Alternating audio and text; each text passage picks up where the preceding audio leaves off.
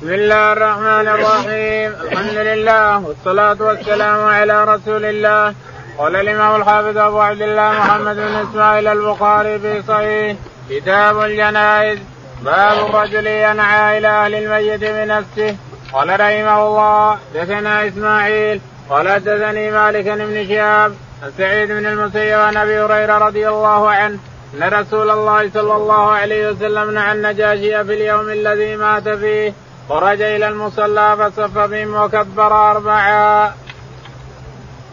بسم الله الرحمن الرحيم الحمد لله رب العالمين وصلى الله على نبينا محمد وعلى آله وصحبه أجمعين.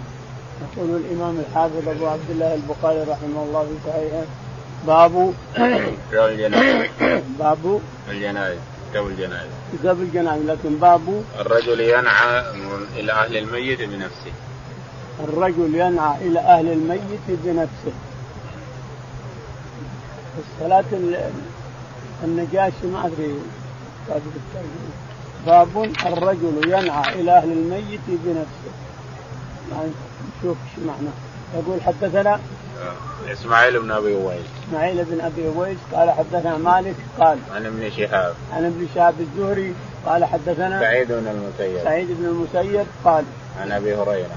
عن أبي هريرة رضي الله تعالى عنه أن النبي عليه الصلاة والسلام نعى النجاشي إلى إلى الصحابة رضي الله عنهم نعى النجاشي إلى اخوانهم مهاجرين الأنصار وأخرجهم إلى الصحراء.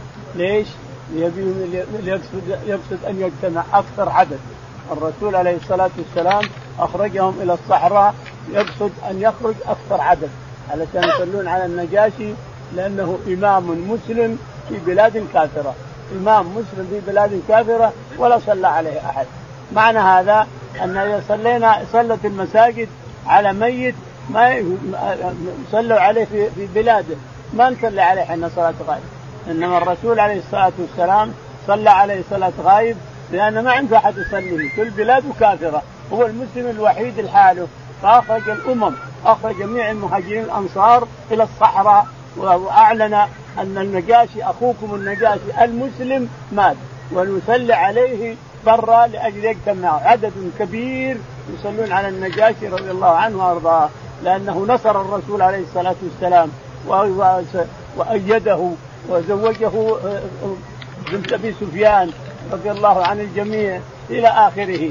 الرسول عليه الصلاة والسلام نعاه لأنه يحبه فصلى عليه لأنه ما صلى عليه أحد. لكن لو رأينا أن المساجد صلت على شخص ما يصلي عليه صلت على شخص بعينه ما نصلي عليه نحن صلاة غائب. لكن الناس اليوم يصلون صلاة غائب حتى لو صلى عليه في المساجد. يقول البخاري رحمه الله حدثنا قرأنا. قرأنا السند.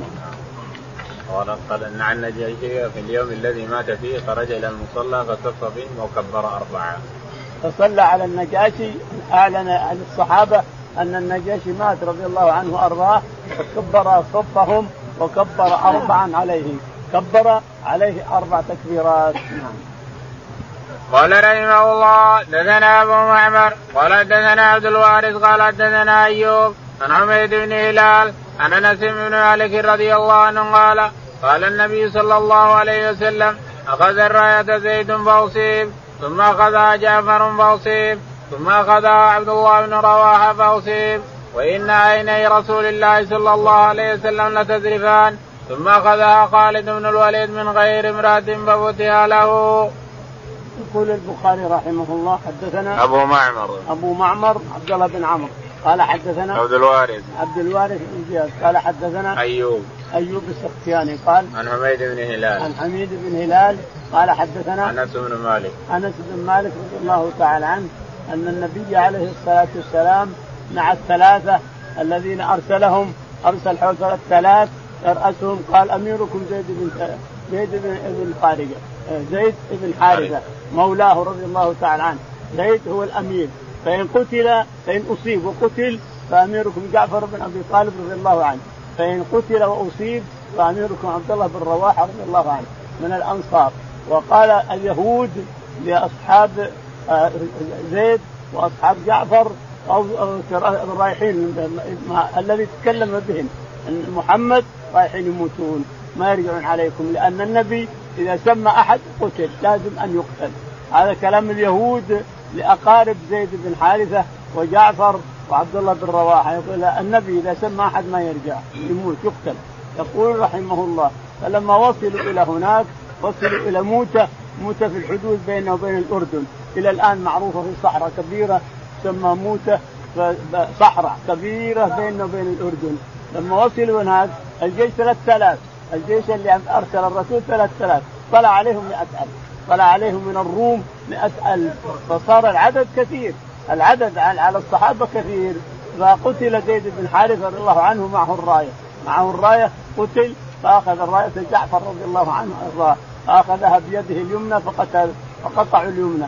ثم أخذها بيده اليسرى فقطعت فقطعت اليسرى ولهذا يسمى ذو الجناحين. عوضه الله تعالى وتقدس عن يديه بجناحين في الجنة يطير فيه كيف شاء ولهذا الجناحين جعفر ثم طعن على صدره حتى مات. فأخذ الراية عبد الله بن رواحة رضي الله عنه قال يا نفس إن لم تقتلي تموتي هذا حمام الموت قد لقيتي يعني لو ما تقتتل تقدمي يا نفس إن لم تقتلي تموتي إن ما قتلت متي يا نفس إن لم تقتلي تموتي.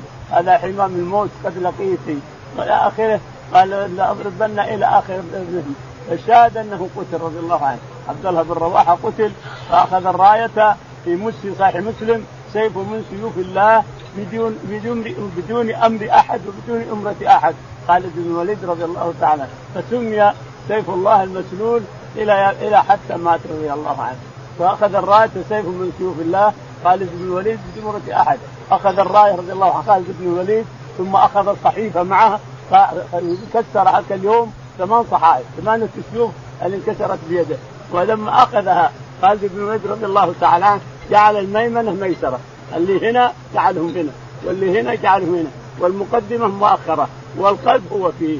فلما استيقظ الروم وإلى الجيش متغير وإلى الميمنة قال عجيب إحنا إحنا عجزنا عن 3000 فكيف جاءهم مدد؟ الخدعة الحرب خدعة ومكيدة فغير الميمنة ميسرة والميسرة ميمنة والقلب والمقدمة مؤخرة والمؤخرة مقدمة وجلس في مقدمة رضي الله عنه وأرضاه فلما انتبهوا والله الجيش متحرك ومتغير قالوا إحنا عيدنا عن 3000 فكيف صار كثروا فهرب وأتى هناك فأتى خالد رضي الله عنه منتكسا إلى المدينة المهم إن الله تعالى وتقدس نجى الصحابة على قلتهم بخدعة خالد بن الوليد وأمرته رضي الله عنه نعم. قال وإن عيني رسول الله صلى الله عليه وسلم لتذرفان. يقول أنس إنه نعاهم الرسول على المنبر وعينيه تذرفان أصيبها زيد بن حارثة ثم أصيب ثم أخذ الراية جعفر فأصيب ثم أخذ الراية عبد الله بن رواح فأصيب ثم أخذ الراية خالد بن الوليد بدون امره البخاري ما فيه سيف من سيف الله لكن مسلم ثم أخذ سيف من سيف الله خالد بن الوليد. نعم. باب الاذن بالجنازة. وقال أبو رافع عن أبي هريرة رضي الله عنه قال قال النبي صلى الله عليه وسلم ألا أذنتموني؟ قال رحمه الله. دثنا محمد. قال أخبرنا أبو معاوية عن أبي إسحاق الشيباني عن الشعبي عن ابن عباس رضي الله عنهما قال مات إنسان كان رسول الله صلى الله عليه وسلم يعوده فمات بالليل فدفنوه ليلا فلما أصبح اخبروه فقال ما منعكم أن تعلموني قالوا كان الليل فكرهنا وكان الظلم أن نشق عليك فأتى قبره فصلى عليه.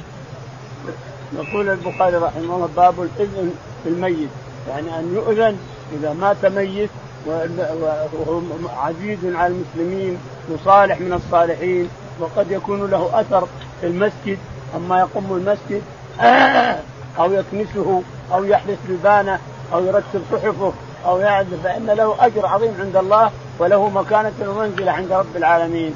ولهذا يجب أن يؤذن المسلمون أن فلان أين فلان اللي كان يفعل كذا وكذا؟ قالوا مات. مات ليه ما اعلمتموني يقول. الشاهد يقول الرسول عليه الصلاة والسلام لما مات قرأنا السند. وقال أبو رافع عن أبي هريرة. قال أبو رافع أنا يعني علقه البخاري. وقال أبو رافع وهو غير مولى الرسول. أبو رافع هذا متأخر تابعي. ومولى الرسول صحابي. الشاهد قال أبو رافع عن أبي هريرة أنه مات هذا تقدم ولا أدري. هل هذه قصة أخرى أم هي حقة الجارية التي كانت تقوم المسجد وماتت ودفنوها ليلا وغضب لما قالوا إنها ماتت ودفنت وقال دلوني على قبرها. يجوز أن تكون هي هذه القصة أو أنها أخرى.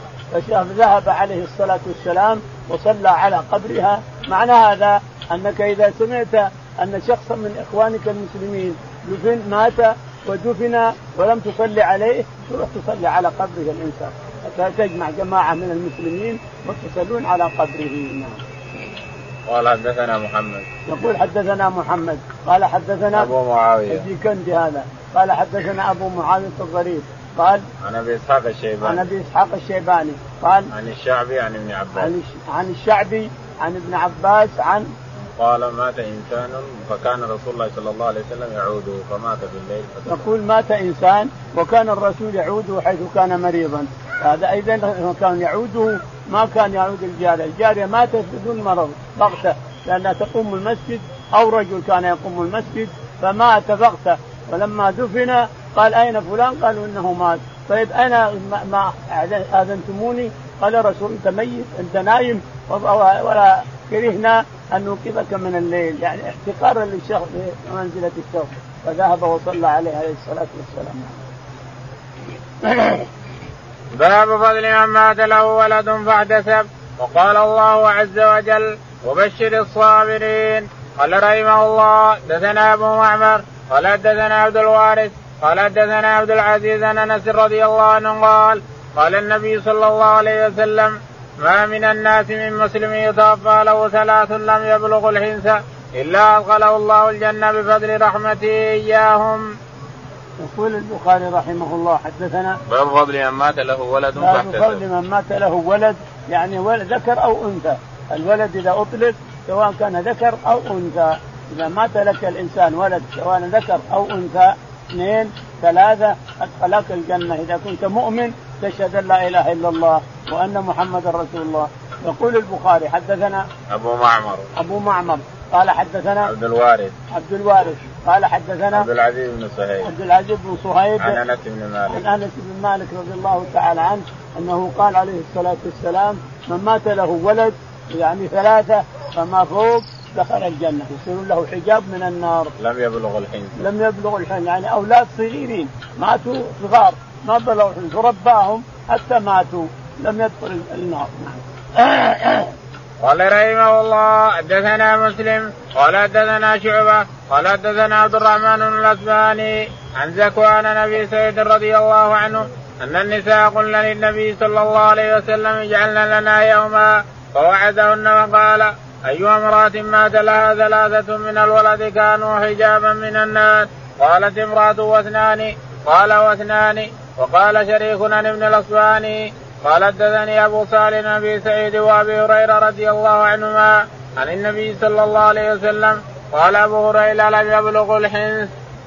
يقول البخاري رحمه الله حدثنا مسلم الابراهيم مسلم إبراهيم الفراهيدي قال حدثنا شعبة. شعبة قال حدثنا عبد الرحمن بن الأصبهاني. الرحمن بن الأصبهاني قال عن ذكوان. عن ذكوان قال حدثنا ابو أبو سعيد الخدري. أبو سعيد الخدري رضي الله تعالى عنه أن النبي عليه الصلاة والسلام قال له النساء يا رسول الله اجعلنا يوم انت تروح الرجال دائما اجعلنا يوم نجتمع معك ونستفيد منك ونأخذ عنك. فجمع فوعهدن يوما فاجتمعنا عنده فقال لهن من مات لها ولد ثلاثة فأكثر لم يبلغ الحنس دخلت الجنة. أو حجاب كان لها حجابا من النار. قالت واحدة منهن أو اثنين يا رسول الله. حتى اثنين. واحدة مات لها اثنين ويمكن إنها ما عاد تغني خلاص؟ يا رسول الله أو اثنين. قال أو اثنين. أو اثنين نعم. وقال شريك عن ابن الاصبهاني عبد الرحمن عن أبو عن أبي صالح قال شريك يعني معلق وقال شريك متابع له. عن الاصبهاني عن أبي صالح عن أبي هريرة. عن أبي سعيد وأبي هريرة. عن أبي سعيد وأبي هريرة عن الصحابيين. لم يبلغ الحلم. يعني معناه لم يبلغ الحلم. يعني صغار ماتوا صغيرين. ولهذا يتلقونك بكيسان من حوض الرسول عليه الصلاة والسلام إذا كانوا لم يبلغوا الحلم.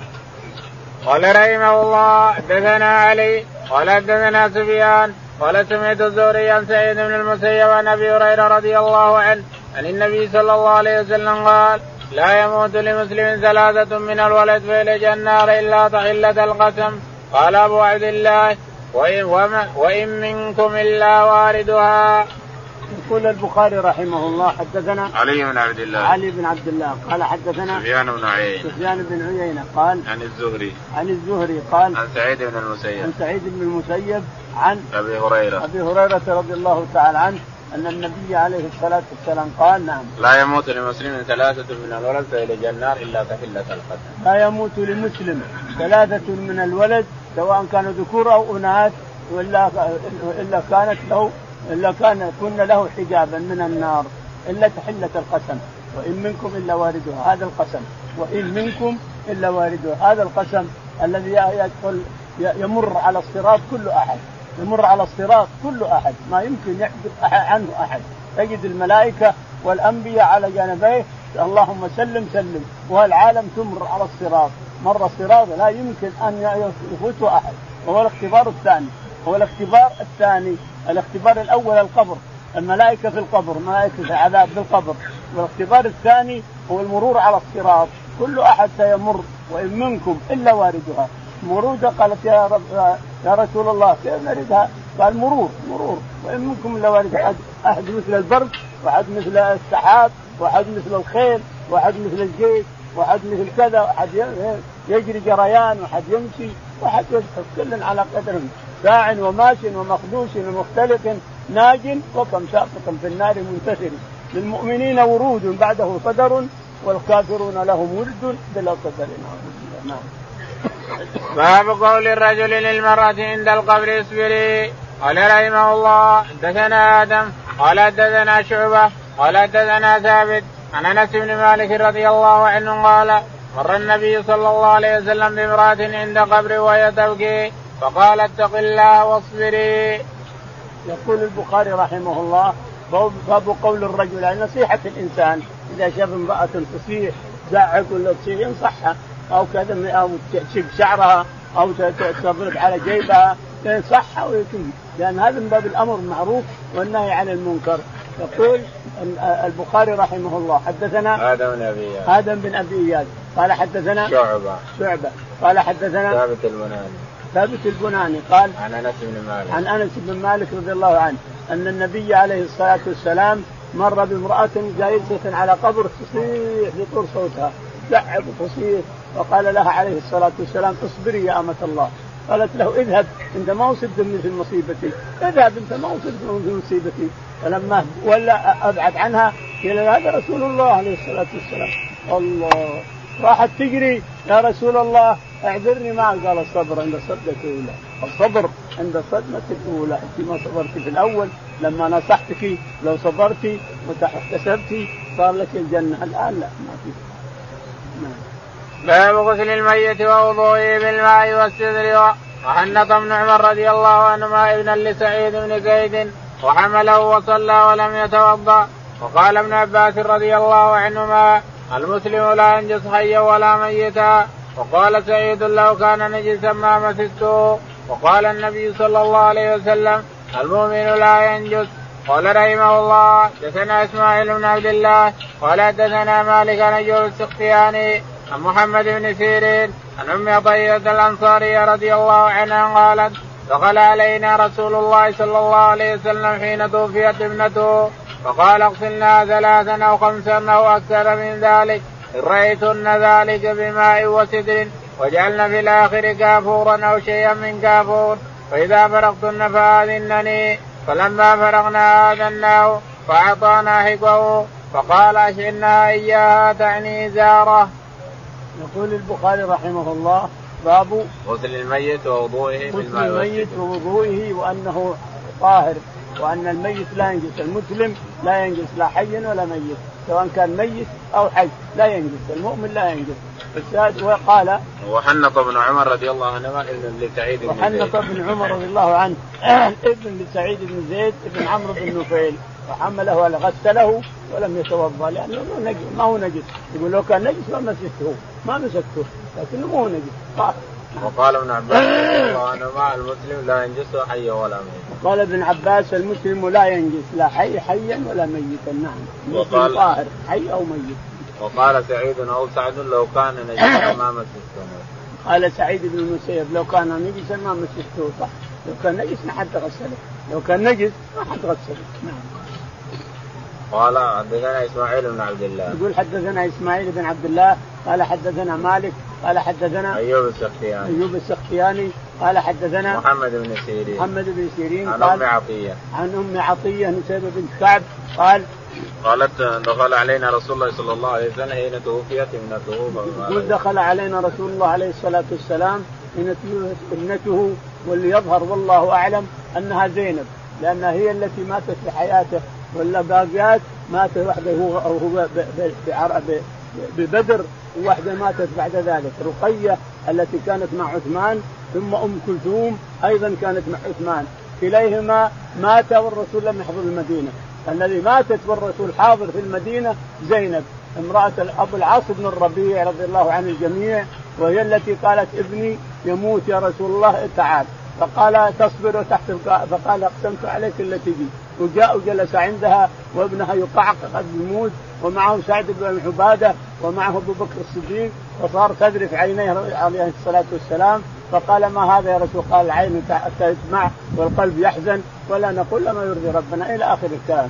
فالشاهد الظاهر والله أعلم أنها بنت زينب أكبر بناته وأنها توفيت في حياته.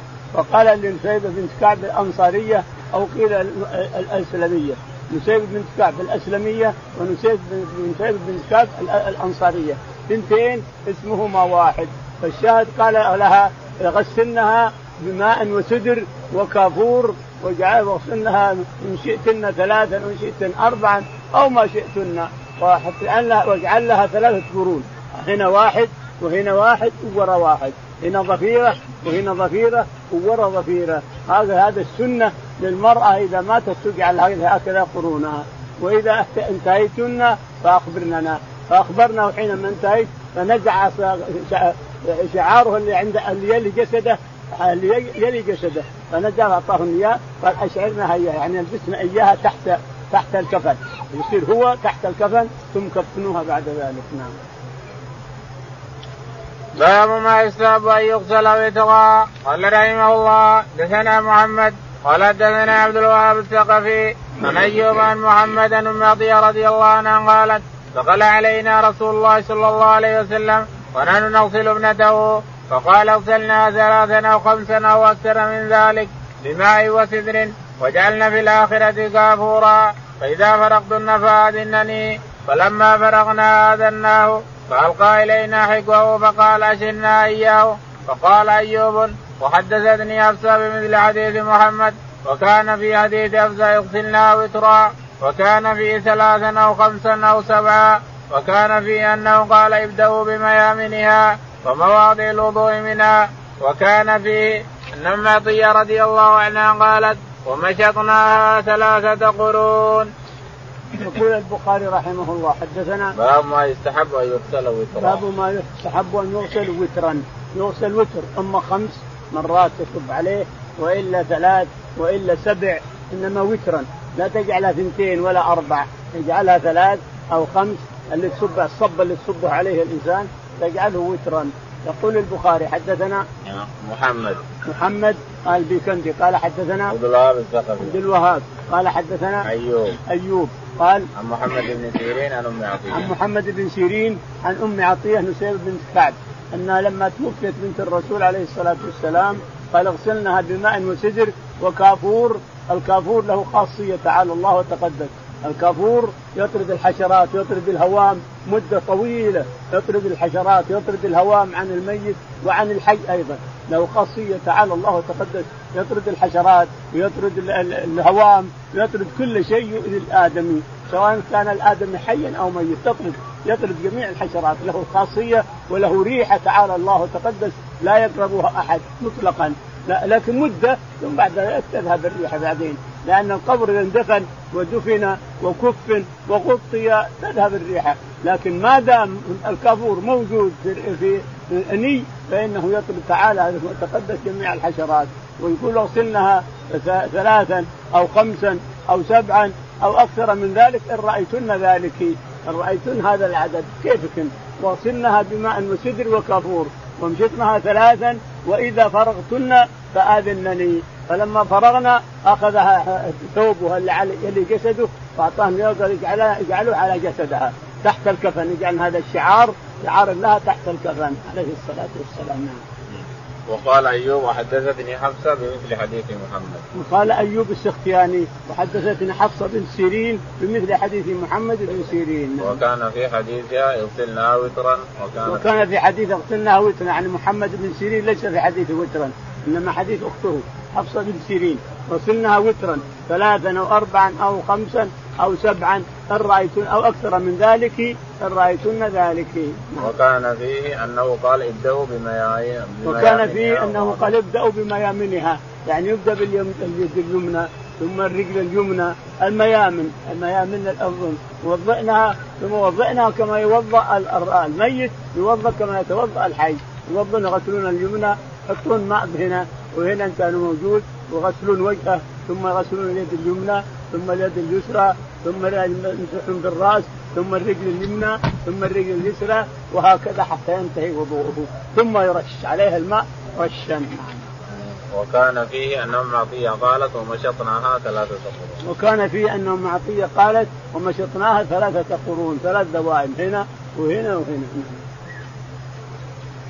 باب يبدأ بميامن الميت قال رحمه الله دثنا علي بن عبد الله قال دثنا اسماعيل بن إبراهيم قال دثنا خالد بن حفص بن سيرين عن أم عطية رضي الله عنها قالت قال رسول الله صلى الله عليه وسلم في غسل ابنته ابدأن بميامنها وماضي الوضوء منها.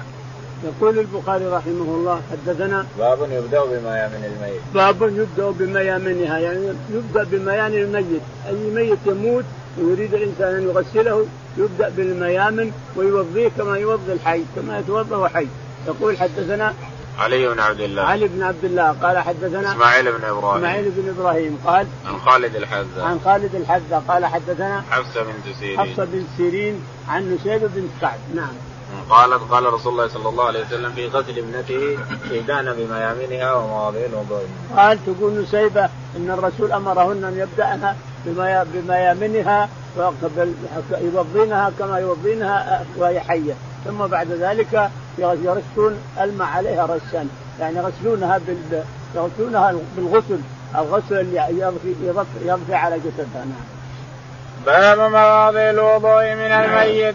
قال رحمه الله يغسل الميت سواء كانت امرأة تغسل امرأة أو رجل يغسل رجل لا يجوز أن يرى عورته ولا يكشفها بل يغسله من وراء ثوب من وراء خرقة يصب الماء ثم يغسله من وراء العورة لا يكشفها الرجل للرجل ولا المرأة للمرأة بل من وراء الثوب من وراء خرقة رقيقة يحطها يستر الرجل ثم يغسله من وراء الخرقة يغسله نظف الا إلا إذا كان هناك سيلان من الدبر أو من الفرج أو شيء من هذا ويعيل فإنه يحط طين حر فيه ويكشف العورة ويحطه لأنه حرك حينئذ وضرورة فتكشف العورة حينئذ ويحط فيه طين يدحى. الطين علشان تبقى الإسهال كان فيه إسهال أو كان فيه دم بالمراه أو شيء دبر أو الفرج فإنه يدحى بالطين الحر بإذن الله يلبت الطين يثبت لأنه يمسك مثل الاسمين تعالى الله وتقدم يمسك مثل الاسمين فإذا احتاج إلى كشف العورة كشفناها ما احتجنا إلى كشف العورة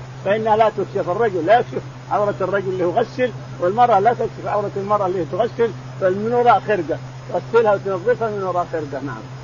قال حدثنا يحيى بن موسى. يقول البخاري حدثنا يحيى بن موسى قال حدثنا وكيع وكيع بن الجراح. قال حدثنا سفيان الثوري. سفيان الثوري. قال عن خالد الحذا عن خالد الحذا قال عن حفصة بنت سيرين. عن حفصة بن سيرين. عن أم عطية. يعني عن أم عطية نسيبة نعم. مثل الذي سبق. قالت لما غسلنا بنت النبي صلى الله عليه وسلم قال لنا ونحن نغسلها ابدأوا بميامنها ومواضيع. تقول نسيبة. قال لنا لما بدأنا بغسلها ابدأنا بميامنها يعني بالوضوء وضعناها ثم عممنا الماء بعد ما ينتهي كله وإذا انتهيتن وجعلنا رأسها ثلاث قرون. وإذا انتهيتن فآذنني. فآذنه لما انتهى واعطاها إشعاره. الشعار اللي جسده. الثوب القميص اللي جسده. قال اشعرنها إياه. باب هل تكفن المرأة في دار الرجل؟ قال رحمه الله. دثنا عبد الرحمن بن حماد. قال أخبرنا ابن عوف بن محمد. عن أم عطية رضي الله عنها قالت توفيت ابنة النبي صلى الله عليه وسلم فقال لنا يغسلنها ثلاثا أو خمسا أو أكثر من ذلك إن رأيتن فإذا فرغتن فآذنني. فلما فرغنا آذناه فنزع من حكمه إزارة وقال اشرنها إياه. يقول البخاري رحمه الله باب هل يلبس الميت إزار الحي؟ يعني الحي يفسخ إزاره ونفسه الميت ينشر الميت يقول هذا فقه. من كلام من فعل الرسول عليه الصلاة والسلام لابنته.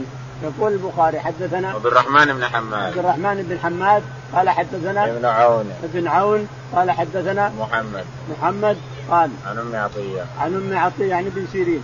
عن أم عطية نسيبة قال قالت أم عطية توفيت ابنة النبي صلى الله عليه وسلم فقال اغسلنها ثلاثا أو خمسا اذا رايتم. يقول أم عطية توفيت ابنة النبي عليه الصلاة والسلام فقال اغسلنها ثلاثا أو خمسا أو سبعا أو أكثر من ذلك إن رأيتن ذلك.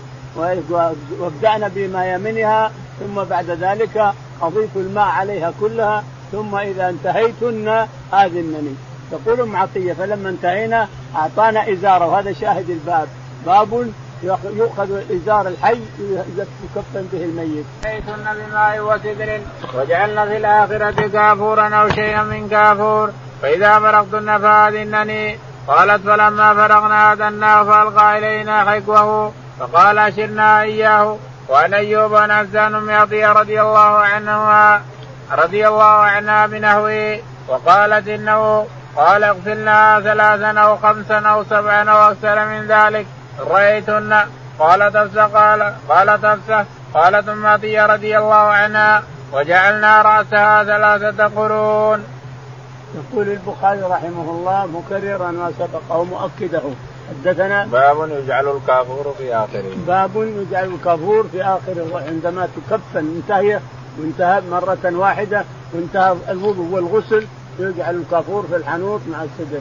الكافور يجعله في الآخر. يصير ناشف. الكافور يصير ناشف. وأما الماء والسدر فهو يغسل به الميت. لكن الكافور يرش عليها رشا ناشف. يخلى مع الميت ناشف أو يحط مع يحط في مكان بالابت هنا وبالابت هنا إلى آخره. يقول رحمه الله حدثنا حامد بن عمر. حامد بن عمر قال حدثنا حماد بن زيد. حماد بن زيد قال عن أيوب.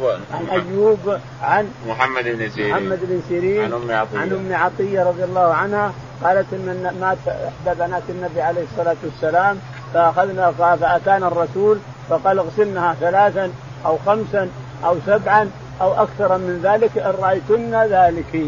وبدانا بما يمنها ثم رشناها كلها عمموها. وإذا انتهيتن فجعلنا ذوائبها ثلاثا واحدة هنا واحدة هنا واحدة وراء وإذا انتهيتن فآذنني. تقول أم عطية رضي الله عنها فلما انتهينا آذناه فأخذ حقوه. الحق الازار اللي يربط وهذا حقو هذا عند العرب يحطون جلد. يمكن تعرفون هذا أنتم ما أدري تعرفونه أو لا.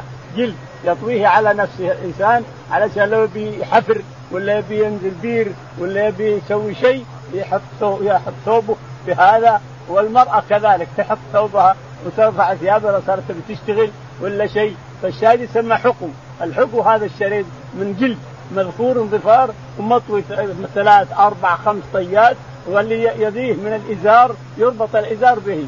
يسمى الحقو هذا اللي يلي السر. السره هنا يسمى حقو الازار اللي يربط بالحقو يسمى الحقو أيضا. يقول فأعطانا حقوه يعني اللي يربط يربطه بالحقو فيقول فقال أشعرناها إياه. يقول فأشعرناها إياه تحت الكفن نعم.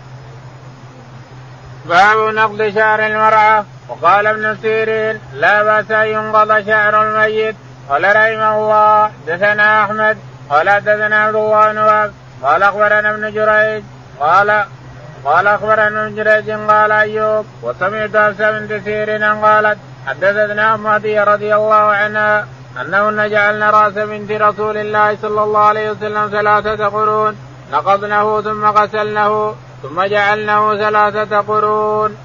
يقول البخاري رحمه الله باب مشط شعره الرأس رأس الميت يعني إنه جائز انه اذا كانت تنشطه الإنسان وترش الرأس بماء علشان الجلدة يصيبها الماء ثم بعد ذلك تظفر بضفائر ثلاثة واحد هنا واحد هنا واحد هنا. يخلى عليها ضفائر لكن من الأول ينشر ويمشط بمشط لما يتواسى. ثم يغفر بعد ذلك بعد ما يغسل وينتهى غسله يضفر قال حدثنا أحمد بن صالح. حدثنا أحمد بن صالح. قال حدثنا عبد الله بن وهب عبد الله بن وهب قال حدثنا ابن جريج. ابن جريج ثم قال حدثنا عن أيوب. عن أيوب عن عن حفصه بن سيرين. عن حفصه بن سيرين عن عن أم عطية. عن أم عطية رضي الله عنها بمثل الكلام الأول أن الرسول قال دعنا بميامنها ثم جللنها الماء ثم غسلناها بماء وسدر ثم جعلنا فيه غسلها كافور ثم بعد ذلك أشعرني اشعرنها إذا قضيت وجعلنا شعرها غسلنا الشعر كله وامشطنه فإذا انتهيت جعلوه ثلاث ضفائر ثم آذنني فآذناه فأعطاهم حقوه يعني الجلد الإزار اللي يلي الحقوق. نعم. باب كيف الإشعار للميت؟ وقال الحسن الخرقة الخامسة تشد بها الفخذين والوركين تحت الدرع تحت الدرع. قال رحمه الله دثنا أحمد قال دثنا عبد الله بن قال اخبرنا ابن جريج أن أيوب أخبره قال سمعت ابن سيرين يقول جاءت أمتي رضي الله عنها امرأة من الأنصار من اللاتي بايعنا قدمت البصرة بادر من الله فلم تدرك فحدثتنا قالت دخل علينا النبي صلى الله عليه وسلم أن نغسل ابنته فقال اغسلنا ثلاثا أو خمسا أو أكثر من ذلك إن رأيتن ذلك بماء وسدر وجعلنا في الآخرة كافورا فإذا فرغتن فآذنني قالت فلما فرغنا ألقى أقوى إلينا ألقى إلينا حلقة فقال أشرنا إياه ولم يزد على ذلك ولا أدري أي بناتي ودام أن الاشعار الفهن وعلفهن فيه وكذلك كان ابن سيرين يأمر بالمرأة أن تشعر ولا تؤذر. يقول البخاري رحمه الله باب كيف الإشعار للميت؟ باب كيف الإشعار للميت، الميت إذا كان رجل فهو ثلاث ثلاث لفائف. لفافة من الراس إلى تحت الوركين ولفافة من فوق الوركين إلى الرجلين اللفافة تعم واحدة كله من الراس إلى الرجلين وتربط بحزائم. أما المرأة فخمس خمس اثنتين واحدة من الراس إلى الوركين تحت شوي وواحدة من الرجلين إلى الوركين وواحدة في الوسط. تضم الوسط كذا. واحدة تضم هنا واحدة تضم هنا ثم تلف باللفافة الطويلة التي من الرأس إلى الرجلين. نعم. نقول نعم. قال قال وقال الحسن الخرقة الخامسة بها وقال الحسن الخرقة الخامسة يعني خمس لفائف. الخرقة الخامسة يلف بها الفخذين والرجلين. والوركين تحت الدرع. والوركين تحت الدرع. الدرع هو اللي تلبسه يلبس تلبس إياه فوق فوق الإزار اللي ضربه يلف رجليها ووركيها نعم قال حدثنا أحمد بن صالح. حدثنا أحمد بن صالح المصري. قال حدثنا عبد الله بن وهب عبد الله المصري أيضا. قال حدثنا ابن جريج. ابن جريج. عن أيوب. عن أيوب عن ابن سيرين. عن ابن سيرين عن أم عطية. عن أم عطية نسيبه أنها الرسول قال لها اغسلنها بماء وسدر ثلاثا أو خمسا أو سبعا أو أكثر من ذلك ان رأيتن ذلك؟ وجعلنا في غسلها سدرا وكافور ثم بعد ذلك بميامنها وصلنا رأسه ومشطنه ثم جعلناه ثلاث ضفائر ثم آذنني إذا انتهيتن.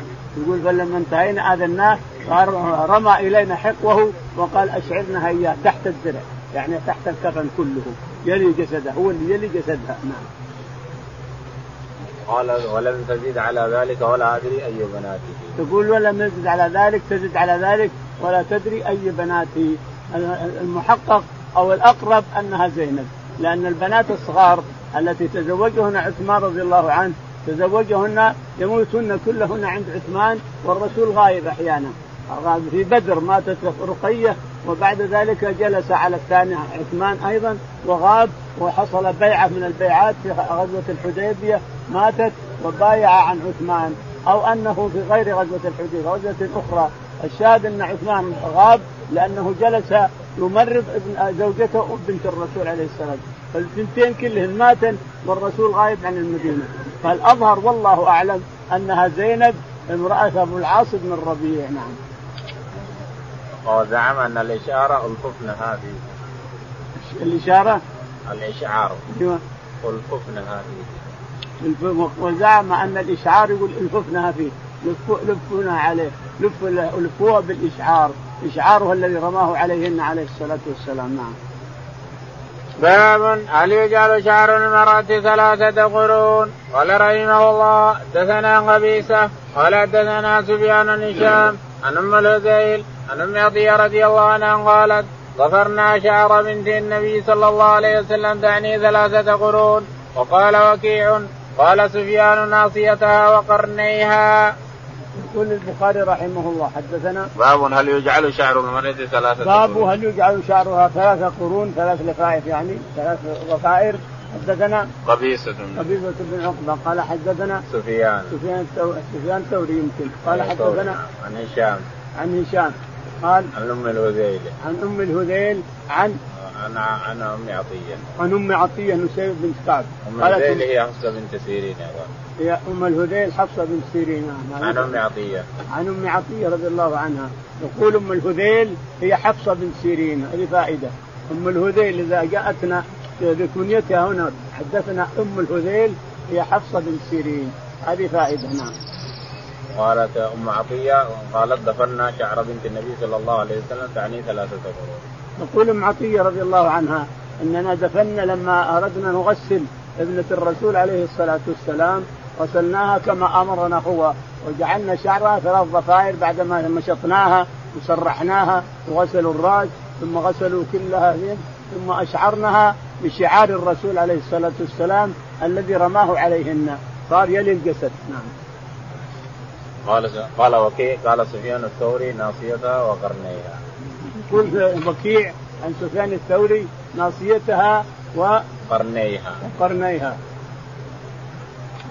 باب يلقى شعر المرأة خلف سفيان على أن القرن الضفائر ثلاث لكن ضفيره هنا وضفيره هنا وضفيره هنا ما هو وراء؟ حديث سفيان هنا أو تفسير سفيان الثوري رضي الله عنه أن هنا واحدة من الضفائر وهنا واحدة من الضفائر وهنا واحدة من الضفائر على الوجه. هذا تفسير سفيان الثوري رضي الله عنه لكن تفسير غيره لا. نعم. باب يلقى شعر المرأة خلفها. قال رحمه الله دثنا مسدد. قال دثنا يحيى بن سعيد عن هشام بن حسان. قال دثنا حفصة عن أم عطية رضي الله عنها قالت توفيت إحدى بنات النبي صلى الله عليه وسلم. فأتانا النبي صلى الله عليه وسلم فقال اغسلنا بالسدر وترا ثلاثا أو خمسا أو أكثر من ذلك. رأيتن ذلك وجعلنا في الآخرة كافورا أو شيئا من كافور. فإذا فرغتن فآذنني. فلما فرغنا آذناه. فألقى إلينا حكوه فضفرنا فضفرنا شعرها ثلاثة قرون وألقيناها خلفها. يقول البخاري رحمه الله حدثنا باب يلقى شعر الميت. باب يلقى شعر الميت الميتة شعر المرأة الميتة خلفها كله. كله خلفها يعني يعني يغفر ويلقى كله خلفها وهذا حجة الإمام أحمد والشافعي أنه يلقى خلفها لا أنه على ما قال سفيان الثوري يحط واحد قدام. هذا رأي سفيان. لكن الأئمة الثلاثة يقولون لا إنه يلقى خلفها شعرها.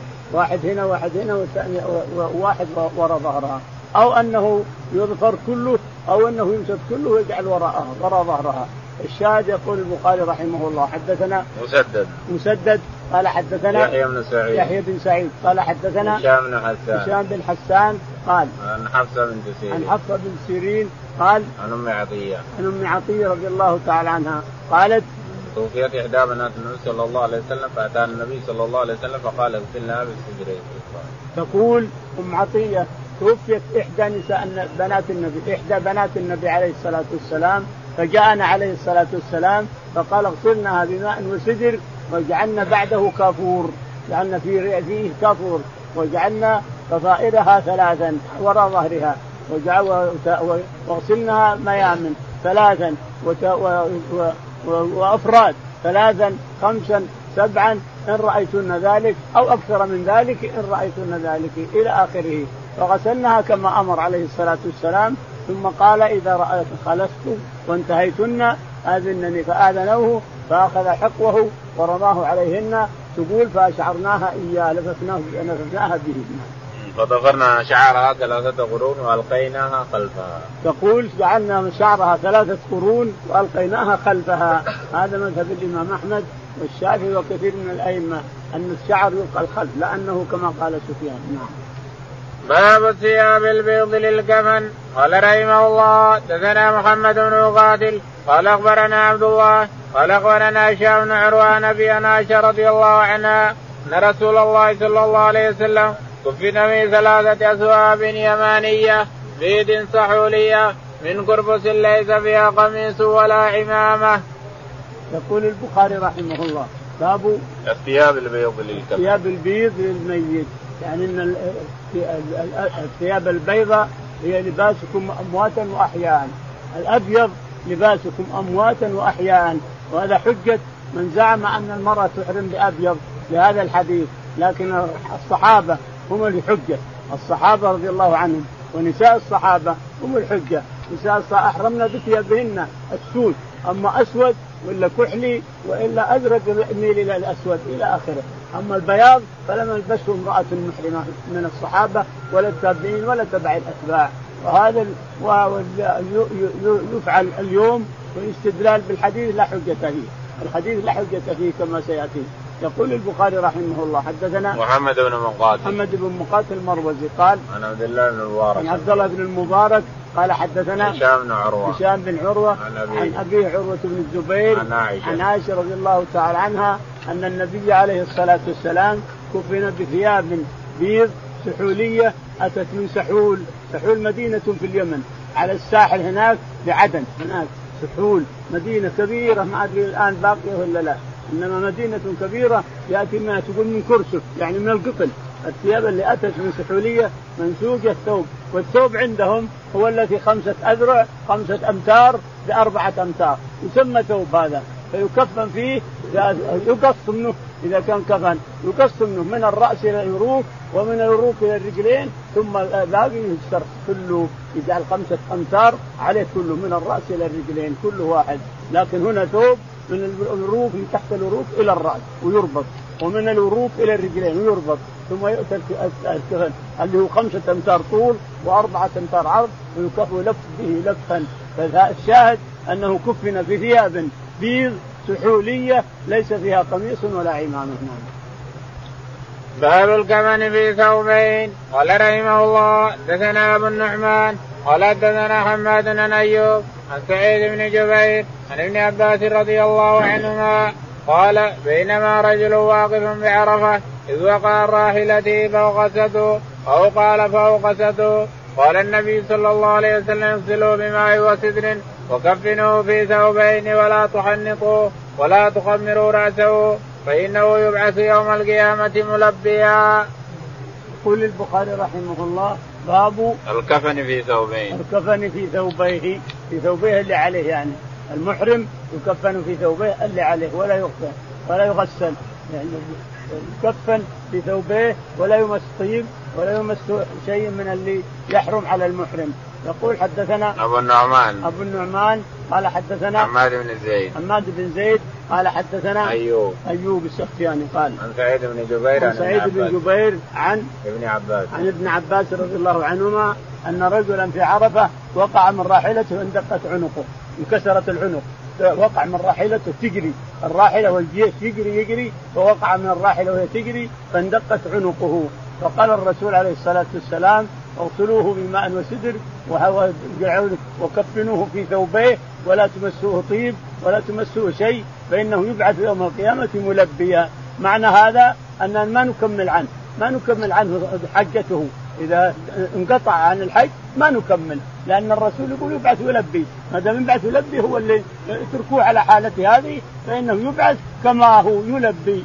إن الشهيد يبعث على ما هو عليه الدم يفور بريح المسك. يدفن على ما هو عليه. وهنا المحرم يدفن على ما هو عليه يلبي يوم القيامة يحشر يلبي بأثوابه الذي أحرم بها.